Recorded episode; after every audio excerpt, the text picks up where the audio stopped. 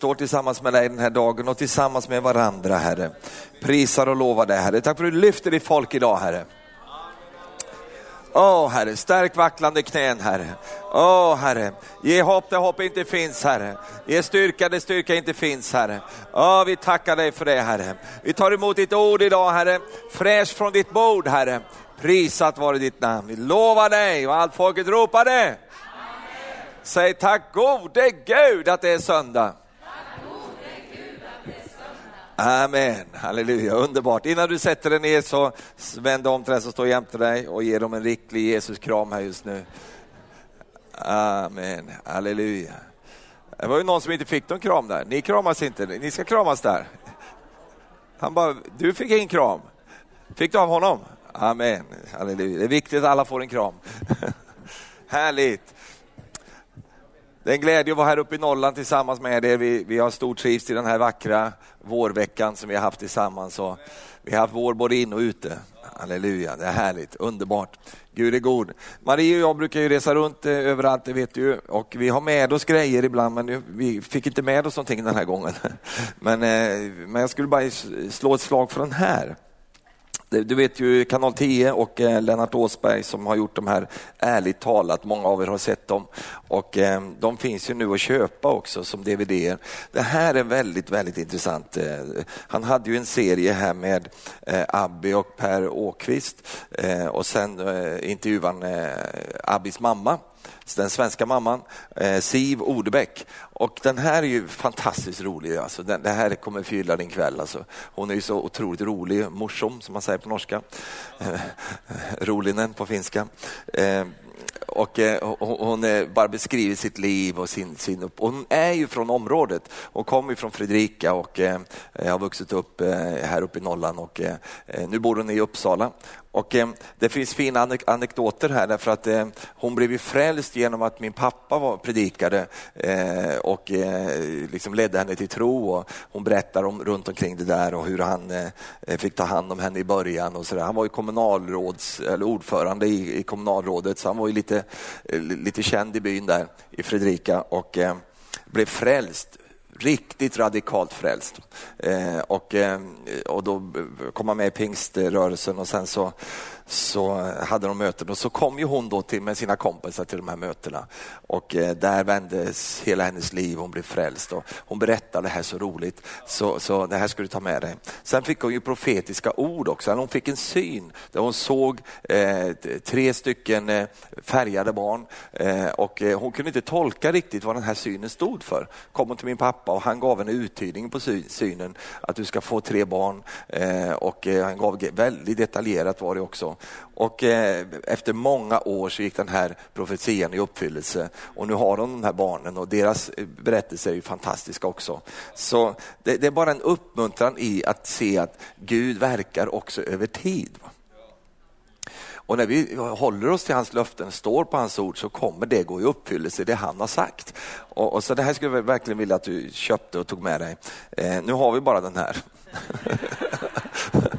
Så den här kostar 370 000 kronor. Och, eh, du kan lägga upp det på en plan. Va? Så, så, så det tar Marie hand om och lägger upp en plan för dig. Nej då, eh, jag vet inte vad de kostar exakt här. Men du kan beställa de här. Va? 120 000. 125 eh, kostar de här. Och, eh, då gör vi så här, då går vi via bokbordet eller bokshoppen här så att vi, vi lägger den här där ute. Den får du inte ta eh, om du inte ger 120 000 kronor. Då kan du få ta den. Men, men annars så beställer du den här så ska vi skicka den till dig. Eh, och det tar bokshoppen hand om. Så du bara skriver ner och så, så beställer vi den där. Så kan du beställa de andra också. Eh, jättetrevligt. Lennart är ju så duktig på de här eh, programmen. Och, eh, gästerna är ju väldigt trevliga också. Amen, halleluja. Hebreerbrevet 11, vers 1, välkänt för oss i trosrörelsen. Tron är, oh, tycker jag är så underbart. Alltså inte tron var inte, den är. Den är en övertygelse om det man hoppas, en visshet om det man inte ser. Eh, det här är ju alltså trons fundament, vad tron är för någonting. Jag har talat mycket om hopp och hela temat den här veckan handlar om hoppet som bär. Eh, men hopp utan tro fungerar inte och tro utan hopp fungerar inte. De är länkade ihop med varandra. Och idag ska vi titta lite grann på liksom, trons grund i ditt liv. Alltså eh, den tron som är en övertygelse om det som du hoppas på. Alltså det är en liksom förankringspunkt i ditt liv till det hopp som Gud har förlänat dig eh, in i ditt liv som vi talade om eh, igår var det väl, när vi talade om att Gud sänder sitt hopp till dig för att hjälpa dig igenom och dra dig igenom sorgens väg till exempel. Eh, men det gäller på alla områden i livet. Det är alltså då en övertygelse. Det är viktigt vänner med övertygelse. Övertygelse det är ju någonting som eh, eh, är själva värderingarna som du och jag har i våra liv. Vi är övertygade om vissa saker. Eh, vi är övertygade om att Gud finns. Det var bara pastorn och Marie som höll med om det, men, men det är okej okay, va? Eh, nej, det är inte okej. Okay. Vi är övertygade om att Gud finns. Ja, bara där ska vi vara glada att vi har en Gud som finns. Halleluja. Det är många som har en Gud som inte finns. Eh, och det är inte så lätt att leva med det. Men vi har en Gud som finns och vi har en Gud som är. Vi har en Gud som belönar dem som söker honom. Vi har en Gud som vi läste om igår är barmhärtighetens fader. Han som tröstar oss i all vår nöd. Vi har en Gud som älskar oss. Eh, det finns många saker att säga om Gud och tron är, är förvissad om övertygad om att Gud både finns och att han lönar oss när vi söker honom. Det står i vers 6 där. Men, eh, eh, men Gud är också stabil. Säg halleluja. Säg efter mig, Gud är stabil. Det kan man inte alltid säga om mig. Ja, nej. Men, men så är det ju. Va? Vi är inte alltid stabila. Vi är vindflöjlar flöja, flöjlar ibland och vi flyger hit och dit med vinden och vi byter åsikt varannan minut och, och, och fram och tillbaka. Men det gör inte Gud. Gud är alltid likadan. Han har en karaktär som kallas för oföränderlig. Han ändrar inte på sig utan är alltid likadan. Vet du varför han inte ändrar på sig? Därför att han inte behöver. Han behöver inte ändra på sig för det han har, det han har begynt det, det räcker gott och han fortsätter i den eh, linjen. Och därför är det så skönt att, att liksom ha en tro som lever i den övertygelsen av både att Gud finns och att han är. Och idag ska vi titta, om, eh, titta lite grann på just den verkligheten. Vi ska titta på eh, hur vi kan koppla med Gud som är och hur vi kan leva med Gud i den positionen och faktiskt också ha en position inför Gud som gör att Gud Gud kommer att eh, belöna oss när vi söker honom. Och vi ska börja med ett härligt ord här i första Moseboken kapitel 1. Eh, förlåt mig, inte kapitel 1, men första Moseboken kapitel 18. Men det förstod ju du redan så att eh, då har du redan slagit upp det. Då står det så här i vers 22. Här är väldigt intressant bibelord. Jag vill bara egentligen ge dig den sista delen av den. Men det står så här om Abraham i kapitel 18 och 22. Men Abraham stod kvar inför Herren. Det här har bränt i mig. Abraham stod kvar inför Herren. Eh, och det är det jag tror är också någonting du och jag behöver lära oss att göra, att vi står kvar inför Herren. Det är ju så lätt att röra sig bort ifrån eh, övertygelsen. Det är lätt att röra sig bort ifrån trons fundament. Men det ska vi inte göra, utan vi ska stå kvar i den tro vi har på vem Gud är och vad Gud kan göra. Varför stod han kvar för? Jo, det står att, eh, att männen som hade kommit till honom vände bort och gick därifrån eh, och de gick mot Sodom. Eh, men då stod Abraham kvar inför Gud. Och eh, det här är ett väldigt dramatiskt läge här i den här historien. Eh, vi vet att Gud har fått nog med synden där i Sodom och Gomorra, så han vill gå ner och göra någonting åt det. det, det är liksom, eh, bägaren har runnit över. Och då så säger Gud till sig själv i vers 17, kan jag väl dölja för Abraham vad jag tänker göra? Alltså det här ger oss en liten glimt in i relationen mellan Gud och Abraham. Att Gud faktiskt var tvungen att ta hänsyn till Abraham. Är han tvungen att ta hänsyn till dig och mig? Ja, säger Marie. Ja, det beror på vad vi lägger in i det. Därför att om du och jag förstår att vi är i förbund med Gud genom Jesus Kristus, att vi är i ett blodsförbund med honom. Om Vi fattar det, att vi har den kopplingen med Gud. Va? Då är Gud tvungen att ta hänsyn till oss han kan inte bara göra vad som helst. Han kan inte gå, gå, gå stad och, och liksom göra saker utan att inkludera dig och mig. Det ligger i förbundstanken. Det är när man är i förbund med varandra. Eh, och eh, Gud är ju en trofast Gud och han är ju en som vet hur man ska leva i förbund.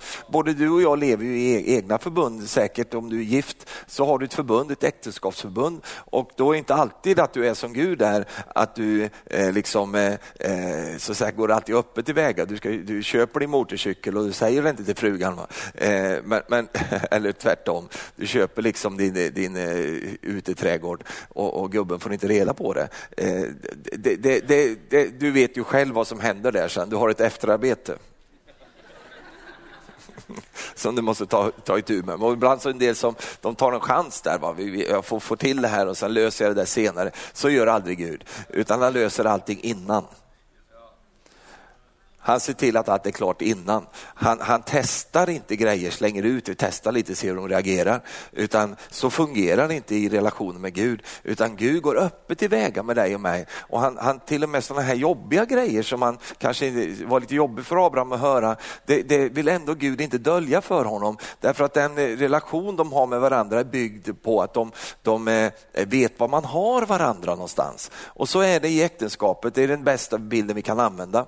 Att eh, vi vet vad vi har varandra. Vi döljer inte saker för varandra utan vi låter varandra vara inkluderade i relationen. För att på det sättet kan vi stärka varandra i den här relationen. Och, och det är ju lite jobbigt när man, om man skulle eh, liksom ha en känsla av att det pågår någonting, det är någonting som jag inte riktigt vet vad det är, men ändå känner jag att det är någonting och då blir det jobbigt och Gud vill röja undan sådana saker. Och därför så säger han till, om sig själv, till sig själv, jag kan inte dölja för Abraham vad jag tänker göra. Han måste veta detta. Eh, han måste få reda på det och jag måste samtala med honom. Och det var det samtalet som sen ledde till att Abraham tog en position att Abraham någonstans inne i sig tänkte, jag kan inte bara nöja mig med det här, jag måste bara stå kvar här. Så han stod kvar inför Herren och sen startade en väldigt intressant förhandling här.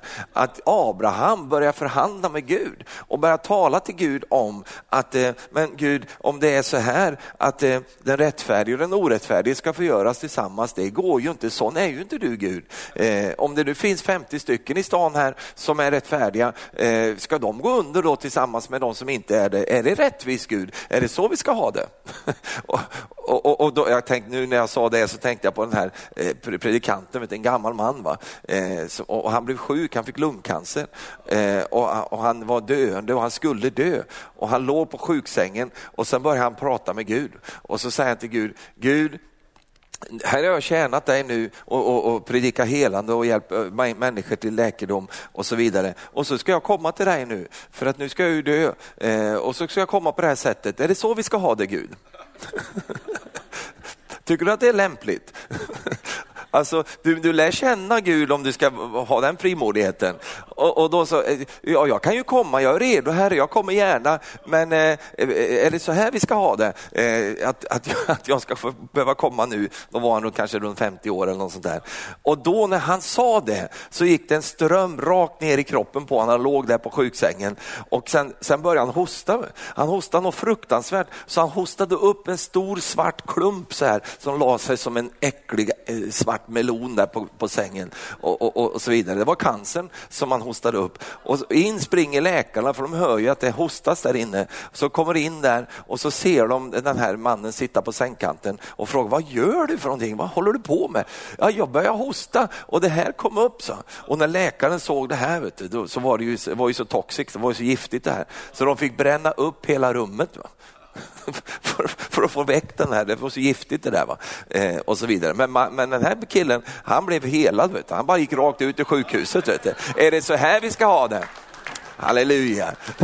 Och nu lever han fortfarande 90 år gammal och åker runt och predikar. Han är stark i helande tjänst och så vidare. Eh, alltså han nöjde sig inte med det där läget som var där och då. Halleluja. Amen. Han var, vad sa du? Ja, David heter han någonting. Jag, tapp, jag tappade hans efternamn. Han är en känd predikant. Eh, men, men eh, det är en sann berättelse, bara så, bara så ni vet. Jag hittar inte på den här nu bara just i stunden för att få till någonting. Nej då, det är en sann berättelse och han, han lever fortfarande och prisar Herren, halleluja. Han är en speciell man den här, för att han, han, de sa till honom så här, ska, han har stort missionsarbete, en engelsman, eh, och de frågade honom, ja, men hur går det nu men liksom efter du dör? Så här, va? Eh, hur ska du göra efteråt med det här? Nej, det slutar med mig. Vet du. Det blir ingen fortsättning på det här. Herren har gett mig den här gåvan och den, ingen, den andra får andra gåvor. Så det här tar, det slutar sen när jag dör. Så mina anställda är livrädda att jag ska dö.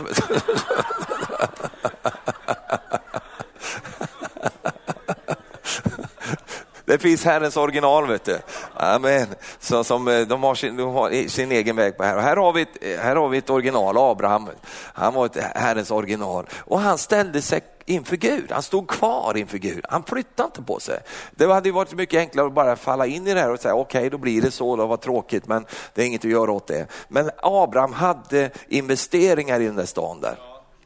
Han hade sin brorson Lot där. Han hade sin brorsons Lots fru som vi inte vet vad hon heter. Och han hade två, två, eh, de hade två döttrar. Eh, så att han hade en investering där. Det var någonting i hans hjärta som, eh, som inte kunde nöja sig med att det här skulle gå över ända. Utan han, han ställde sig där inför Gud för någon annans skull. Och när han stod där inför Gud så började den här förhandlingen och han började räkna ner och Gud talade tillbaka och sa nej det kommer jag inte göra. Och sen räknade han ner i förhandlingen och så landade han på tio till slut. Och sen så, så slutade den där förhandlingen där. Och vi vet ju då att det fanns ju fyra stycken bara och de blev räddade eh, i alla fall. Så att det blev en, en, en, en, på det sättet en seger för just Abraham, en tragik i det hela men det vart ändå en seger. Men positionen som Abraham tog det är alltså då tro trons position.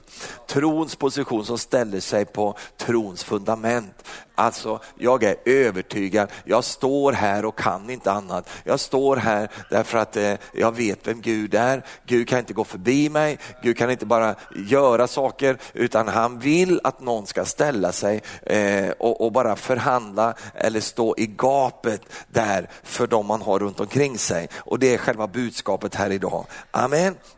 Så då stod han där och jag ska också titta på ett, med dig ett annat bibelord som du känner till säkert från Hesekiel kapitel 22. Där har du hela den här tanken som vi är ute efter idag. I vers 30 står det så här, jag sökte bland dem, säger Gud, efter någon som skulle kunna bygga en mur och ställa sig i gapet inför mig till försvar för landet så att jag inte skulle fördärva det. Men jag fann ingen, säger Här är också liknande situation, att eh, att eh, det är väldigt mycket synd i landet och det är mycket orättfärdighet och det är saker som händer där som Gud bara inte kan gå förbi utan han måste eh, göra någonting med det. Och då så, så söker han efter någon som kan träda fram och ställa sig på en viss plats. Och det gör han idag också. Det gör han i ditt liv, att du träder fram, jag bara flyttar ut micken lite, att du ställer dig någonstans för det som ligger eh, på Guds hjärta angående din livssituation. Du ska ju inte för ett ögonblick ögonblick tro att Gud inte är intresserad av din familj.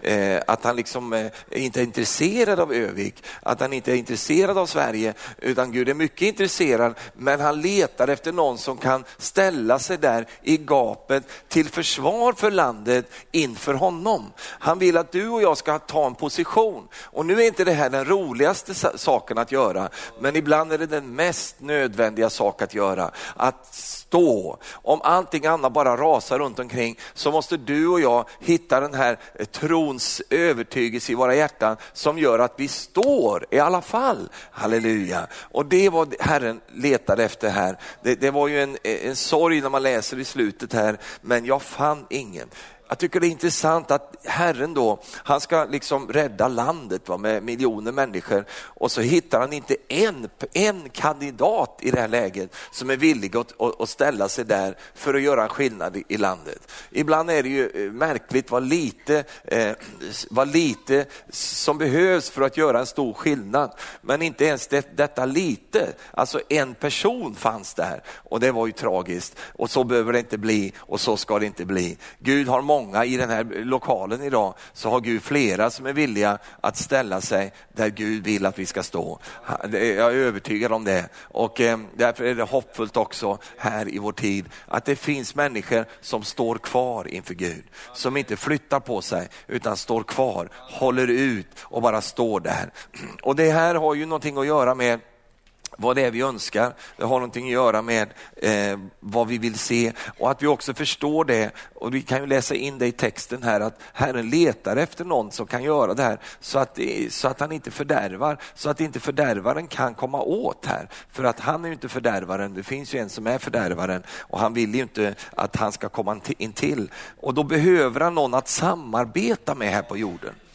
Han behöver någon att samarbeta med i din familj. Han behöver någon att samarbeta med på ditt arbete. Han behöver någon som kan koppla med honom på detta sätt. Att, att liksom vända tillbaks Guds löften till honom själv och säga, Gud du har ju lovat det här. Du har ju sagt att det här ska ske du kan väl inte gå förbi det här. Nu vet vi ju det att det vanligaste eh, förekomsten utav, av liksom, eh, problematik så ligger ju den hos oss. Det är ju vi som frångår. Det är på något sätt att, att Gud säger tala till mig om mina egna löften, påminn mig om vad jag har sagt. Jag vill att du ska göra det. Jag vill att du ska koppla med mig, för jag vill också att du ska ha en del i den här välsignelsen när du får se hur det bryter igenom. Amen, halleluja. Så Herren letar efter det. Han letar efter en viss fasthet och den fastheten den har inte vi oss själva, men den kan vi ha i Gud. Vi kan ha det i den, i, i den gudomliga karaktären och vi kan hitta den där. Och, och skriften uppmuntrar oss hela tiden till att stå fasta. Det står i Filipperbrevet 3 och 16 till exempel. Kan vi bara läsa det här. står det så här. Jag är ju så snabb, jag är, ju, jag är inte bara språkgeni, jag är snabb också. I Filipperbrevet 3 och 16 så står det så här, dock står det, låt oss hålla fast vid det som vi har nått fram till. Alltså det finns ju saker som du och jag har nått fram till i Guds ord. Det ska vi hålla fast vid, säger Paulus. Håll fast vid de sakerna. Vik inte av ifrån det, håll fast vid det. Backa inte ifrån det, utan håll dig fast vid det. Halleluja, amen. Och, och eh, vidare i Galaterbrevet 5 så står det också i vers 1 där, jag tar det lite snabbt här men jag vill ändå läsa det. Eh, till denna frihet av Kristus gjort fria, alltså evangeliets frihet. Stå därför fasta och låt inte det är på nytt tvingas in under slavoket. Alltså håll fast vid det du har fått. Va? Håll dig där. Va? Amen. Flytta inte på dig, håll fast där. Halleluja, men jag ska ju leva i förändring säger du. Absolut, men det ska du göra i fastheten. Det är någonstans som du inte ska förändra dig och det är ju i den övertygelse som du står i utifrån Guds ord. Sen finns det en förändringsprocess som sker, en förädlingsprocess som sker i kristet liv. Det är ju jätteviktigt. Jesus säger ju själv att eh, han ska ansa grenarna och han ska liksom eh, ansa trädet så att det kan bära mer frukt. Där blir det ju förändringar, men inte i grunden. Va? Utan i grunden står vi fasta i det vi har kommit fram till, det håller vi fast vid. Kan du säga amen till detta? Amen. Halleluja, underbart. Eh, eh, andra Thessalonikerbrevet kapitel 2 står det i vers 15 där. Jag bara tar några sådana här ord här, eh, bara för att belysa det jag vill säga idag. Stå alltså fasta och håller till de lärdomar ni har fått, muntligt eller genom brev. Det var ju innan evangeliet eh, blev kanoniserat. Så eh, det var de här breven som kom runt där genom Paulus eh, försorg. Och eh, det var lärdomar som han skickade ut och eh, där säger han, stå fasta till, vid de här lärdomarna, håller till dem. Amen. Och nu är det ju så här att vi lever i den yttersta tiden, det är jag övertygad om. Och den yttersta tiden kännetecknas av när nu allt detta går till sin upplösning. Limmet i samhället funkar inte längre. Det, det som håller ihop saker och ting funkar inte. Vi ser det bland familjer, vi ser det i vårt samhälle, vi ser det liksom överallt, hur saker löses upp. Men då finns det någonting som är så underbart som aldrig löses upp. Det är Gud, va? halleluja. Han går inte mot sin upplösning utan han är fastheten själv. Och när vi kopplar med honom och hans ord så får vi det nödvändiga i våra liv för att kunna hålla fast. Och när vi då gör detta, håller fast vid de lärdomar vi har fått, något så kommer det bli en välsignelse. I Filipperbrev 4 står det likadant där eh, i vers 1. Stå därför fasta i Herren, mina älskade och efterlängtade bröder, min glädje och min krona, ni mina älskade. Nu har jag gett dig flera bibelord på det här som har att göra med att eh, stå fast. Och, och, det går tillbaka till att du och jag positionerar oss. Att, att vi ställer oss i en position. Vad är det för position vi ska stå ifrån? Jo, vi ska stå utifrån ordets position. Att vi ska stå utifrån vad Gud redan har sagt. Där står vi, halleluja. Amen. Och vi flyttar inte på oss där, eh, för vi vill se löftet gå i uppfyllelse och vi vill se Gud verka i detta. Herren söker efter någon som, som står på det där sättet så att han kan agera.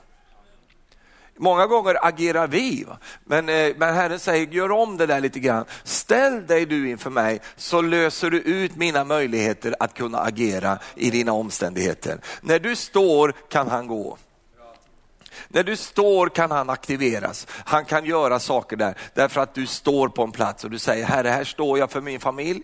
Alla mina barn ska bli Herrens lärjungar, bara så du vet Herre. Alla mina barn ska vandra med Gud. Alla mina barn ska komma in i fullheten av vad du har tänkt. Halleluja. Och då kommer det någon och säger, det ser inte riktigt ut så. Nej, det gör det inte, men det är så. Därför att jag står här. Det spelar ingen roll vad omständigheterna säger. Jag står här i alla fall, halleluja. Och jag behöver inte göra mycket mer än det.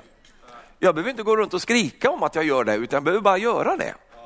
Halleluja, amen. Jag är så glad att, eh, att eh, min, mina föräldrar, min mamma, hon stod, vet du, det var ju det hon gjorde, det var ju hennes stora bragd. Va? Hon stod där va? för Stefans räkning, halleluja, amen. Och, och, och Gud kunde verka. Så länge vi står kan Gud verka. Amen. För vart ska han bära in det här underbara bönesvaret någonstans som vi har flyttat på oss och stuckit därifrån? Han vill ju bära in detta bönesvar som rimmar gott med det ord som han redan har talat. Amen. Halleluja. Så du har en uppgift här i våra dagar och det här söker den här generationen. Du vet att unga människor vill ha stabilt omkring sig. Det skapar en trygghet i en familj, du vet ju själv hur det är en familj och jag är ju pappa så jag kan bara utgå från mig. Eh, mina barn, vet du, jag får inte ändra på någonting. Jag ska ju vara lite sådär gammal och lite så här eh, omodern. Va? Så att de kan hålla på med sina eh, moderna grejer och studsa runt med sina grejer. Jag fick ju inte ens raka av mig mustaschen, vet jag gjorde det för några år sedan. Och då fick ju mina, mina de fick ju, de fick ju kris. Va? Fy vad jobbigt, de vill inte titta på mig. Va?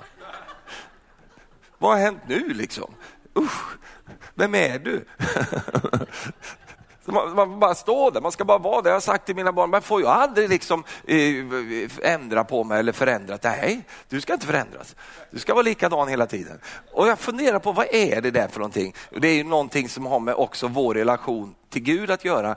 Att eh, vi vill ha en säker och trygg eh, situation med Gud. Och det är så underbart att veta det, att Gud, han ändrar aldrig på sig. Halleluja. Det du fann honom igår finner du honom idag. Det han sa igår, det säger han idag. Det, det han gör igår, det gör han idag. Han är likadan idag.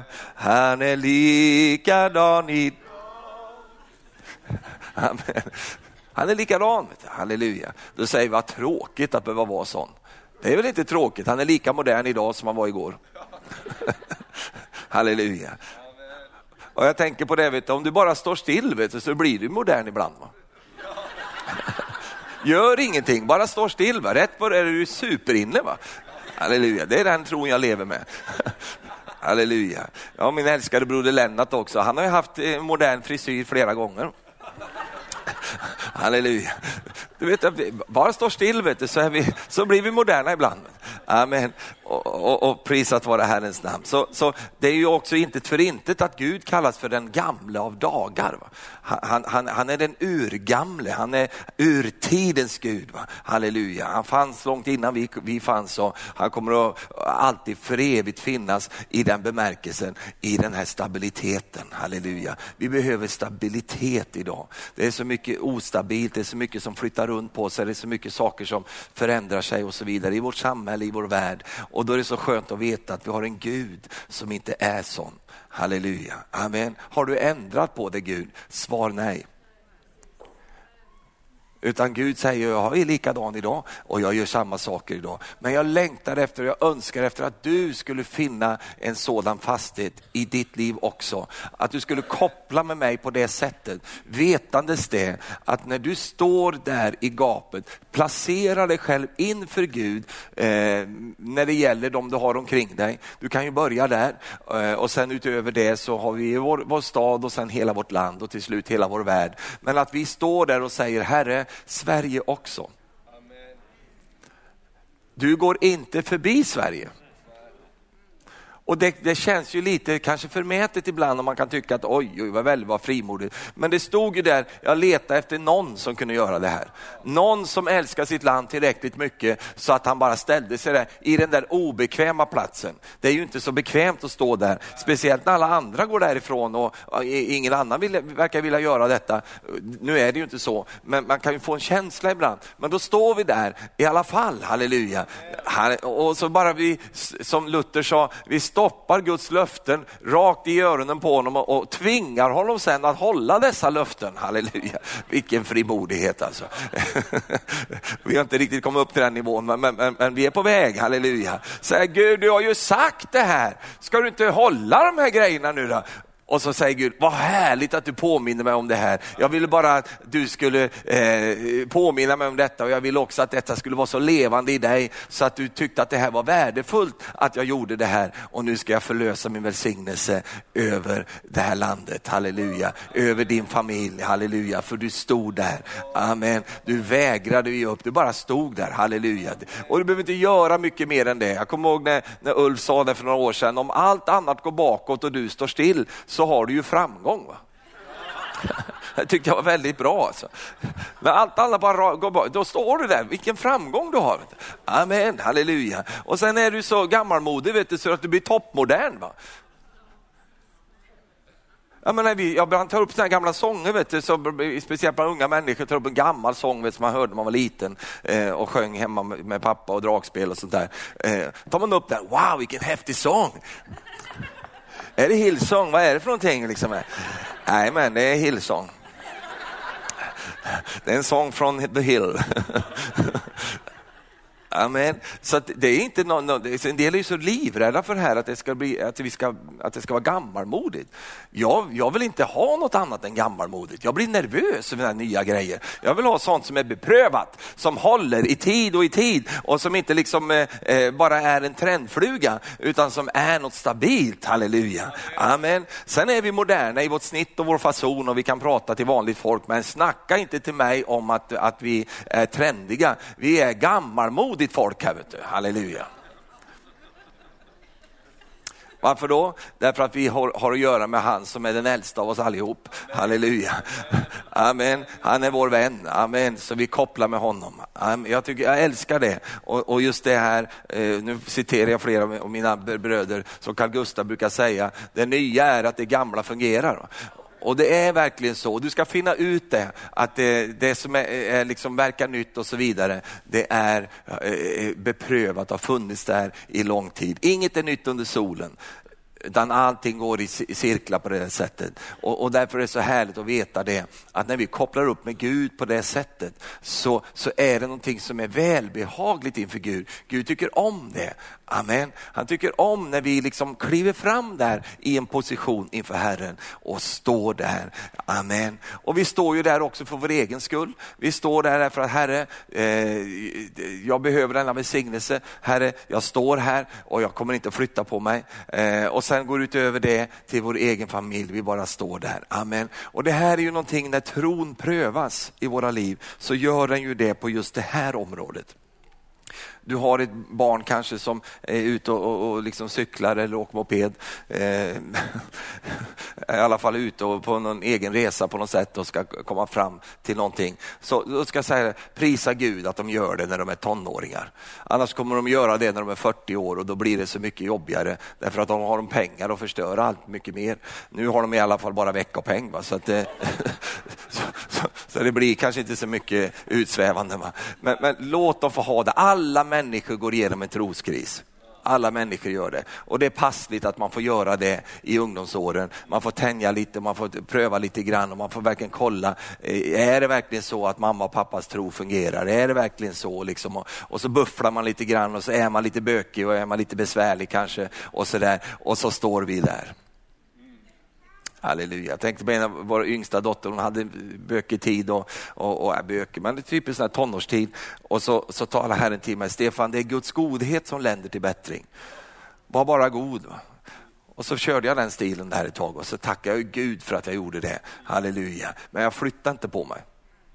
Jag gick till kyrkan i alla fall jag gjorde mina grejer i alla fall. Jag slog upp Bibeln och läste Bibeln i alla fall. Jag bad högt i alla fall där hemma, även fast det var lite sådär. Va? Jag hålla på, be där och hålla på och läsa Bibeln. Sluta, ni sätter upp kors överallt i kyrkan eller i hemmet. Jag vill inte se några kors. Du vet hur de kan bli ibland, tonåringarna. Och så då skickade vi upp ett kors till, vet du. halleluja. Men vi gjorde det i kärlek, amen. Och vi satt och tittade på alla dessa kristna program och allt det där. Vet du. Kan ni inte titta på något annat än några kristna grejer? Har ni inte liksom några, några andra grejer ni kan titta på här? Du vet hur tonåren kan vara ibland. Då, då prövas du och jag också. Det är inte de som prövas mest, det är vi som prövas mest. Och då kan vi tendera ibland att riskera att bara fara ut i någonting, men det gör vi inte, utan vi bara står. Det måste vi orka vänner. Vi måste orka det i en församling också. När någon går igenom någonting och är lite bökig och är lite sådär. Va? Eh, men då står vi, halleluja. Och vi står i kärlek, vi står i, i hoppet, vi står i tron och vi står i, i, i den här eh, glädjen som vi har inför Gud. Och i det, just där verkar Gud. Därför att vi är ju aktivister in i, i, in i absurdum ibland. Så vi tror ju att det bara händer saker när vi händer. Va? Men det gör det inte, utan det händer saker när vi står också. Amen. Jag måste göra någonting, jag måste göra någonting. Nej, vi måste stå. Halleluja. Bara stå fast. Amen. Jag vet att det kliar i våra, hela vårt system när det liksom brakar runt omkring oss. Jag vet att det är så. Hur vet du det Stefan? Det kliar i mig också. Åh, nu måste vi fara ut i någonting här. Vi får inte ut i någonting, vi bara står. Amen. Därför att vi tror. Att tro är att stå, att stå är att tro. Halleluja, amen. Och du står på ett fundament som heter Gud själv. Halleluja, amen. Och han rubbas inte, han skakas inte. Han är bara där som eh, den klippa som vi har lärt att känna. Amen. Så vi gör det. Nu ska vi ta sista bibelordet här idag och det är Jakobs brev. Där står det så här, kapitel 1, vers 3.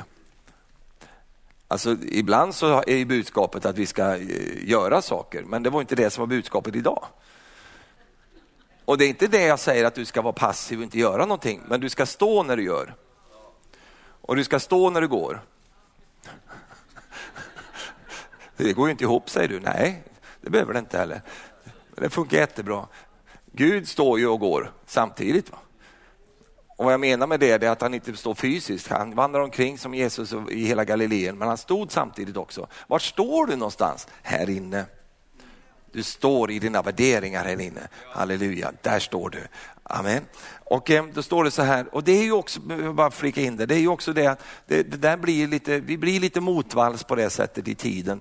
Därför att i tiden så är det ju alltid att man, man ska alltid pröva nya grejer, det ska alltid vara nytt hela tiden. Vi är ju i det här som, som har att göra med att allt som är lite gammalt, det, det är liksom, har, har vi någon slags skepsis till. Va? Därför att det, liksom, det ska vara nya grejer hela tiden. Eh, men, men, men de här sakerna jag talar om, de är inte nya grejer. Det här är gamla grejer. Och de här gamla grejerna, de har befunnit sig vara väldigt underbart hållbara och de fungerar i alla tider. Annars skulle vi få en ny bibel varje år. Va? Ja, då skickar vi in 2014 års modell här. Välkommen till den här modellen här. Nu ska vi börja läsa om hela bibeln här nu. Nej, nej, nej, vi läser samma bibel som, som eh, man har läst i alla tider. Halleluja. Och, och den har fungerat i alla tider och man kan ta ut eh, eh saker som är ultramoderna i den här tiden från en urgammal bok. Halleluja, på det sättet är Bibeln tidlös. Amen. Och då står det så här, Jakob talar så här, han har ju precis talat om frestelser och prövningar och han talar om att vi ska hålla det för idel glädje när vi kommer i dessa frestelser.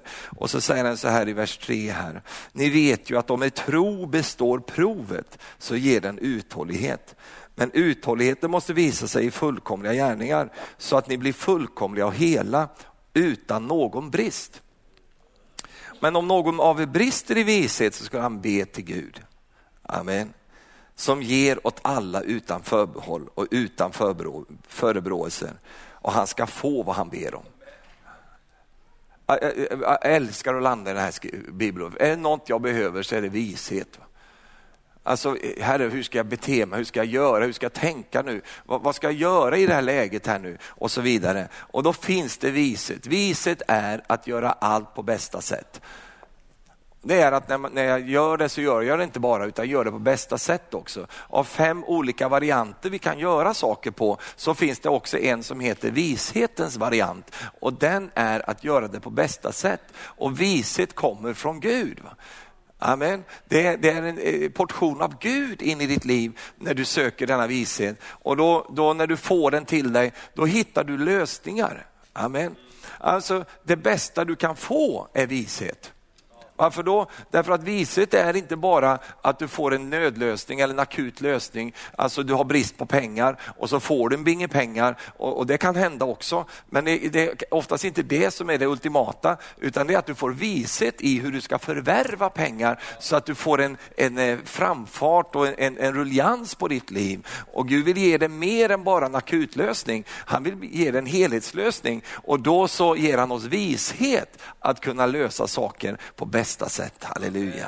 Amen. Åh, vad vi behöver detta i vår tid. Eh, vi behöver det därför att eh, Tiden är ju som den är och då är det så underbart att veta att det finns vishet att handskas med olika saker. Du vet, ibland blir det komplicerat. Va? Hur ska vi göra nu? Och hur ska vi tänka här? och så vidare. Och då har Gud en himmelsk vishet som bara kan komma in i våra liv som gör att du och jag får en framkomlig väg att gå på. Och denna vishet den, den ska vi få av Gud som ger utan förbehåll och förebråelser och han ska få vad han ber om. Så tänker jag då som förälder, så ska vi vara också.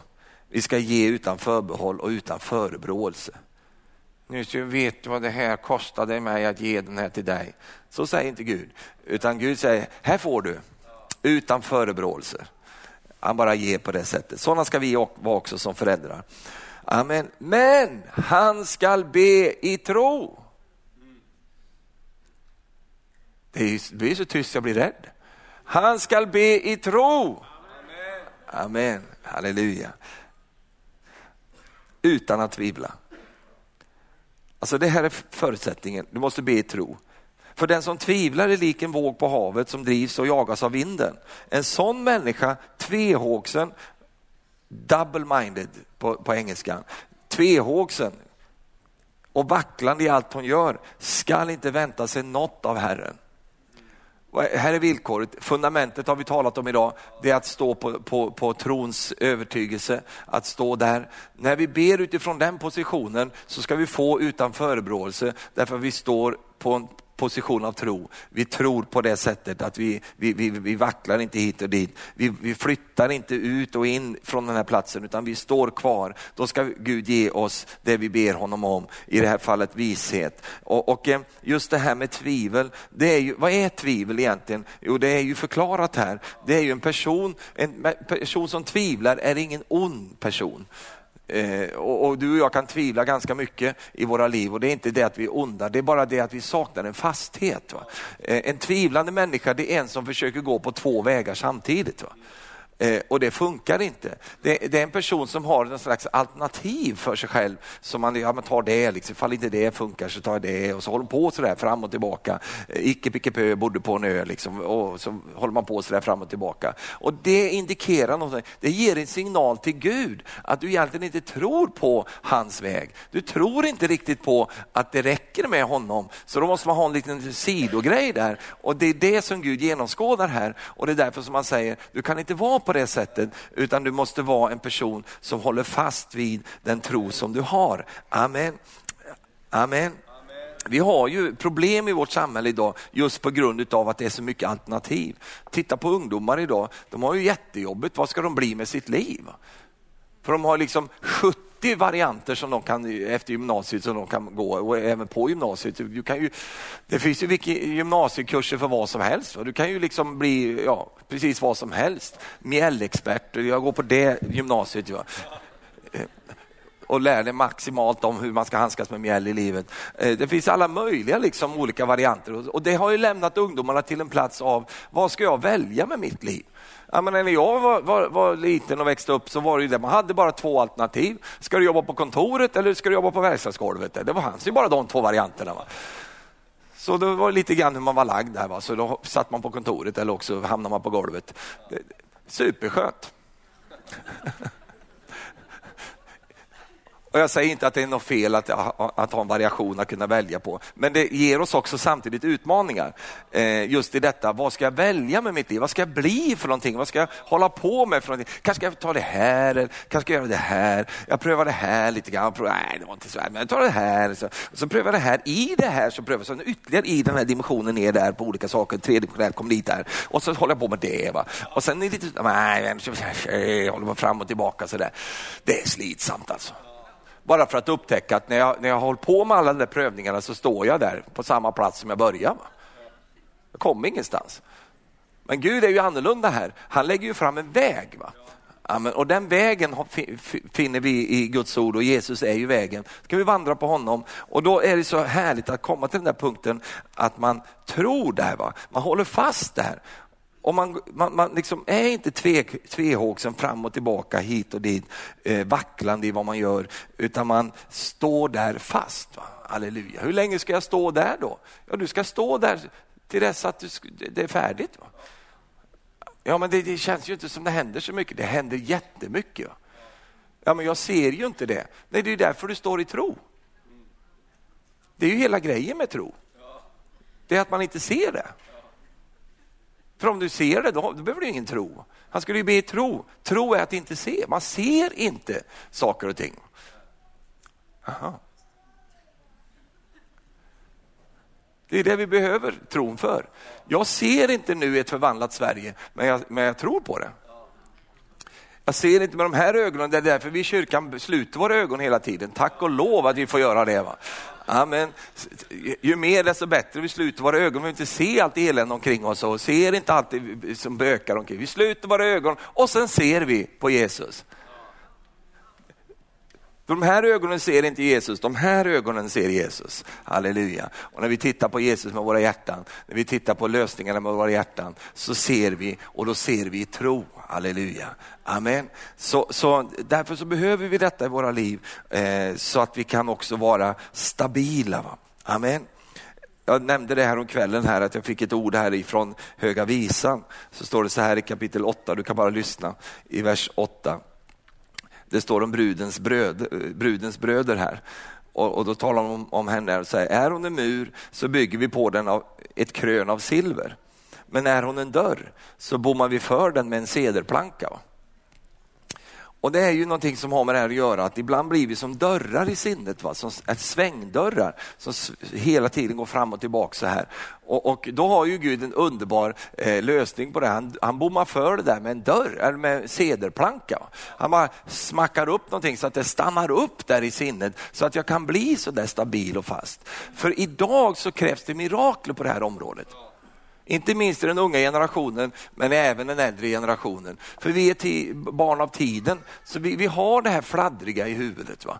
Det är hit och dit och fram och tillbaka. Och det är svårt att koncentrera oss. menar, ungdomar och, och, och, idag och även andra också liksom, har ju svårt att hålla koncentrationen i mer än fem minuter. Va? för något annat som man ska göra och hit och dit och fram och tillbaka. Vi läser inte mycket om det i Bibeln. Utan eh, i Bibeln så, så fanns det en, liksom en annan gång, en annan rytm och det fanns en, liksom en förväntan från Gud att, att, att det skulle finnas en stabilitet. Och, och, eh, men på grund av hur det har blivit i vår, vår tid, i våra dagar, så har vi de där utmaningarna. Och då är jag faktiskt övertygad om att om Gud förväntar sig att vi ska tro, Gud förväntar sig att vi ska vara fasta, om vi då inte har det i våra liv på grund av hur samhället ser ut, då kan Gud göra under på det här området. Han kan faktiskt ge dig fasthet. Smacka in en, en bit av tvärbjälken ifrån korset rakt in i ditt sinne som... Puff, amen, halleluja. Och någon kommer till dig och säger, kära någon, du som var som Vingelpelle, du som bytte liksom eh, idéer varannan dag. Nu är du fast där. Och då kan du bara göra så här. Kan du göra så? Vi gör det allihop nu. Halleluja, amen. Herren har hjälpt mig. Han gav mig det där. Tror inte att Gud är en sådan Gud att om han har en förutsättning för att saker ska ske, om du, du inte har de förutsättningarna på grund av att det är ödelagt där kanske i sinnet, då ger han dig de förutsättningarna genom att göra mirakler. Amen. Jag är övertygad om det, att han ska hjälpa människor av idag och ge dem miraklerna eh, på alla möjliga olika områden. Inte minst när det gäller sinnet, att ha en förmåga att inte vara så vacklande, tvehågsen hit och dit, eh, utan att vara fast i sitt sinne. För att den som är fast i sitt sinne bevarar du i frid. I frid på dig förtröstar han. Amen. Och varför är det så mycket ofrid då? Jo, därför att det är just det där många gånger i våra sinnen som åker hit och dit. Att du samtalar med någon och så blir du lite lugnare och känner, vad skönt vi pratar med dig. Och så, så går du ut och så pratar du med någon annan och så drar det igång någon ny grej där i sinnet. Och, så, så, och du är ju offret i det här. Så då blir livet en berg och dalbana, upp och ner och friden kommer en liten stund och så försvinner den igen därför att fastheten i sinnet är inte där. Och då så ger Herren oss Eh, hjälp här och kommer med sin fasthet in i vår icke-fasthet och, och, och så det blir en fin fastighet. Nej, jag fick ju till den va. och då så ger han det till oss och jag är övertygad om det och här idag så kan det finnas människor som just det här är jobbigt för dig. Att vara fast. Va? Du behöver en cd-planka från Gud. Va? Du behöver att det bara stängs till där så att du kan vara fast i ditt sinne och hålla dig till den linje som Herren har för dig i ditt liv. Då kan Gud ge det till dig idag. Han kan faktiskt göra det, för han älskar dig, han vill hjälpa dig. Och, och, och, och sen så kan du gå och liksom träna på det här och du kan eh, liksom bygga upp det där i ditt liv. Men någonstans så, så behöver du en, liksom en hjälp, en puff ifrån Herren och då ger han det, det så gärna till dig om du vill ha det. Halleluja, amen. Men det här med tvivel, det är inget ovanligt. Vet du. Det står ju om när Jesus var nyuppstånden ifrån de döda, han var, han var, han var ju han var ju fräsch uppstånden, va? han hade ju inte varit uppstånden länge. Så det måste ju ha ramlat liksom härlighetsgrejer ifrån honom. Va? Och då kommer han till sina lärjungar och så står det, dock fanns det några som tvivlade. Hur lyckas man, säger jag. Har du smugit ner svenskar där nere eller? Alltså han är mitt ibland dem. Va? Dock fanns det några som tvivlade. Jag tycker det, det, det, det, det är liksom så. Och det bara bevisar att vi människor, vi är människor och, och eh, vi har förmågan att kunna tvivla eh, och så vidare. Är det verkligen han? Eller, eh, ja, men, han, han är rätt lik i och för sig, va? men, men eh, det kan ju inte... Är det? Ja, så satt de där och tvivlade och Jesus var tvungen att göra något synligt för dem och säga, stick, han stack fram sina händer, se på mig. Här, se mina sår, känn på dem, ta på dem. Jag är här, jag är mitt ibland er nu. Han hjälpte dem där. Och det är därför jag, liksom, jag bygger hela min tanke av det. Att när det är så att vi tvivlar så mycket så tar han någonting och visar det tydligt för oss och säger, se på mig, det är jag. Håll dig till det här. Och så bygger han fast det. Så det finns sedelplankor här idag som Herren ska ha eh, leverera från himmelens underbara förrådshus till människor som, som just här sliter det. Va? Eh, och just här så plågas du. Så att eh, Herren vill hjälpa dig med det. Därför att vi, och det är ju så här också, att när vi fortsätter att stå, sen står det, står det där lite längre fram om Abraham, att sen gick han närmare. Va? Först stod han, och sen klev han närmare Gud. Han är mer frimodig. Vet du. Halleluja. Det börjar med att du står, sen blir du mer frimodig, så kliver du närmare och säger amen, halleluja, nu är det på gång alltså. Amen, min brorson han kommer bli räddad, jag känner det på mig. Amen, jag står här för honom. Det var ju därför han stod där. Och så ska du tänka också om din familj. Halleluja. Du står där för, för din son eller din sonson. Och du står där, amen. Du behöver inte vara, du behöver inte vara sminkad ens. Du behöver inte ha snygg frisyr, du behöver ingenting. Bara stå där. Halleluja inför Herren. Tack Jesus. Det här bygger inte på din karisma, din personlighet. Den bygger, på din övertygelse här inne i hjärtat.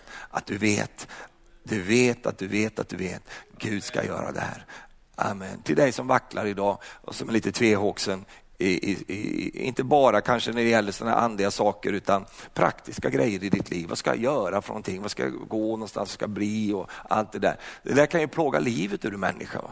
Man är helt slut innan man ens har börjat göra någonting. Just därför att det är så mycket som händer. Och där har Gud en underbar gåva. Idag kallar vi den för sederplankan. Amen. Att placera in precis där, där, det, där svängdörren sitter, precis där så lägger han den. Amen. Hur ska det gå till Stefan? Eh, ska de hämta dem här nu? Har du med dig ett lager där ute som vi ska ta in? Nej, det ska ske genom den helige Ande. Amen. Om du vill ha det, om du vill liksom ha hjälpen där, så ska Gud göra det för dig. Amen. Hur många säger så här, jag ska inte ta fram till förbön idag utan jag ska be, be för dig där du är. Men men hur många säger så Stefan, det är precis det här som är jobbigt för mig. Det är liksom, jag, jag, jag hamnar på två vägar. Eh, och det går ju att gå på de vägarna lite i början, men till slut så blir ju vägarna går isär. Och så hamnar du i ett läge att du, du, du måste välja här. Va? Eh, och, och, det blir så jobbigt för dig. Den som går på två vägar samtidigt faller på en av dem, står det. Och, och därför ska vi inte gå på två vägar, vi ska gå på en väg. Och den vägen är den vägen som har med Guds ord att göra och som har med Jesus personen att göra. Och så går vi på den vägen. Och du som plågas av det där i ditt sinne, kan du lyfta din hand så ska vi bara bedja tillsammans du och jag. Får se. Amen, lyft din hand bara. Om du har jobbet, amen, Gud välsigne er. Halleluja, amen, tack Jesus. Ja, då ska vi bedja. Och Herren ska göra, jag, jag har en sån tro på detta att Herren kan ge den där fastigheten där fastighet inte finns. Han kan göra det därför att han vet också eh, ibland att ibland är vi, tack, ibland är vi skadade i, i själen, vi skadade genom tiden och så vidare. Eh, och Gud kan bara placera det där in i våra liv övernaturligt. Halleluja. Du ska bli förvånad över det där i ditt eget liv. Hur, hur starkt det där blev för dig och hur, hur fridfullt det sen blir när fastheten finns där. Jesus, nu ber vi för alla som har lyft sina händer idag. Och Jesus, du känner var och en av dem, Herre. Du älskar var och en av dem, Herre. Och nu, Herre, så bara tackar vi dig, Herre, att det från himmelen kommer stabilitet, Herre. Från himmelen kommer fasthet, Herre. Tack för att du gör ett mirakel, ett startmirakel, Herre, på vägen, Herre, eh, till denna, denna underbara trosvandring, Herre. Att du ger ett startpaket, Herre, och så hjälper unga människor, äldre människor, Herre, att behålla fastheten, Herre. Att inte vackla, Herre, att inte vara tvehågsen, utan vara fast i sitt sinne, Herre. Vi tackar dig Gud för det. Nu prisar vi dig, Herre, för att du verkar precis Precis här, just nu där vi sitter inför dig, Herre. Att du verkar med din närvaro i Jesu underbara namn. Halleluja. Kan vi säga så här, så här tillsammans, Jesus Kristus, Tack för att du är densamme. Igår, idag, i evighet. Tack för att jag kan lita på dig. Att du inte flyttar på dig, utan du står fast. Och Herre, nu ber jag dig att du ger av den fastheten in i mitt liv. Du ser vart jag vacklar någonstans. Vart jag är tvehågsen. Herre, jag vill inte vara det. Jag vill inte tvivla. Herre, hjälp min otro. I Jesu namn. Tack för att du gör det. Tack för att du gör ett mirakel i mitt liv. Och placerar din fasthet i mitt sinne. Så att jag kan komma igång med mitt liv på rätt sätt. Amen. Halleluja, underbart. Fick du ut någonting av det här idag? Amen. Tack Jesus. Halleluja. Underbart. Ska vi stå upp tillsammans och bara prisa Herren. Halleluja. Tack Jesus. Halleluja. Vi kan inte gå härifrån idag utan att be för de sjuka. Jag bara känner att är du sjuk i din kropp så, så vill vi be för dig och, och, lägg, och då vill vi lägga händerna på dig.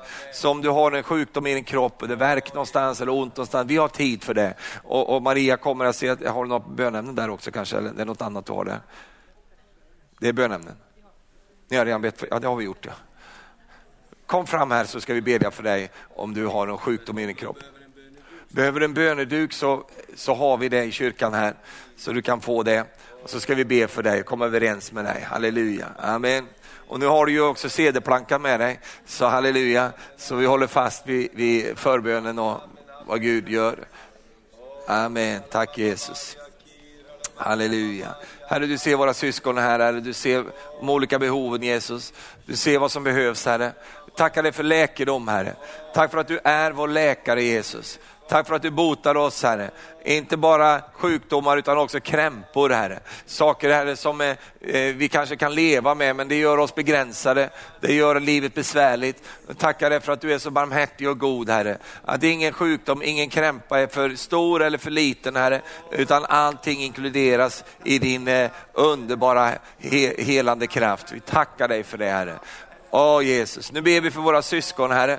Vi ber Herre om helande Herre, för var och en som står här framme i Jesu namn. Vi ber att deras vecka skulle vara eh, eh, en vecka av hälsa Herre. Att den här veckan skulle vara en vecka med styrka och friskhet Herre, i Jesu Kristi namn. Vi prisar och lovar dig Herre. Halleluja. Amen. Nu ska vi bedja för dig och så, så kommer du lite, du kan spela lite på pianot där, eller sjunga får ni gärna göra. Men, eh, men, eh, men vi ska be för dig nu. Halleluja, amen. Och Herren ska röra vid dig. Amen. Underbar. Halleluja, tack Jesus. Amen, tack Jesus. Amen.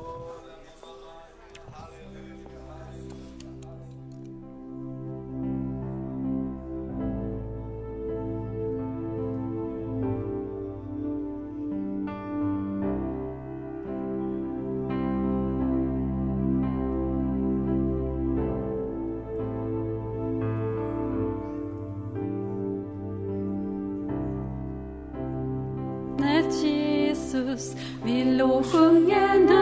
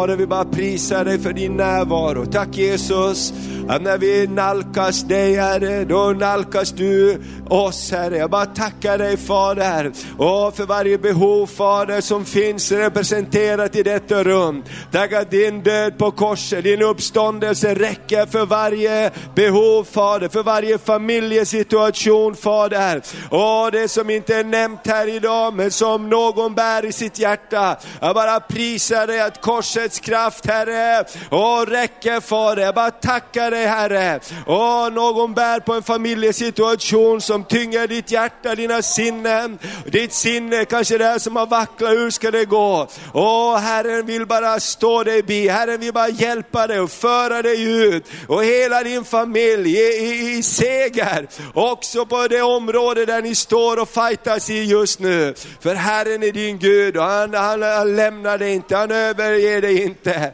Så det här budskapet om att stå fast också i tro på Herren, det var en hälsning till dig. Så bara stå fast och lita på att Gud kommer att ta er igenom. Gud kommer att ta dig igenom, din familj igenom. I Jesu namn, vi prisar dig Fader. I Jesu namn, i Jesu namn. Underbart! Ska vi bara ge Jesus en stor tackapplåd idag. Jesus, jag bara prisar dig. Åh, vi bara prisar dig Herre, i Jesu namn. Amen. Och ett speciellt tack till Stefan och Marie som har varit här den här veckan. Vi bara tackar Gud för er, de gåvor ni är och att ni är så trogna och bara åker runt och predikar evangeliet. Amen.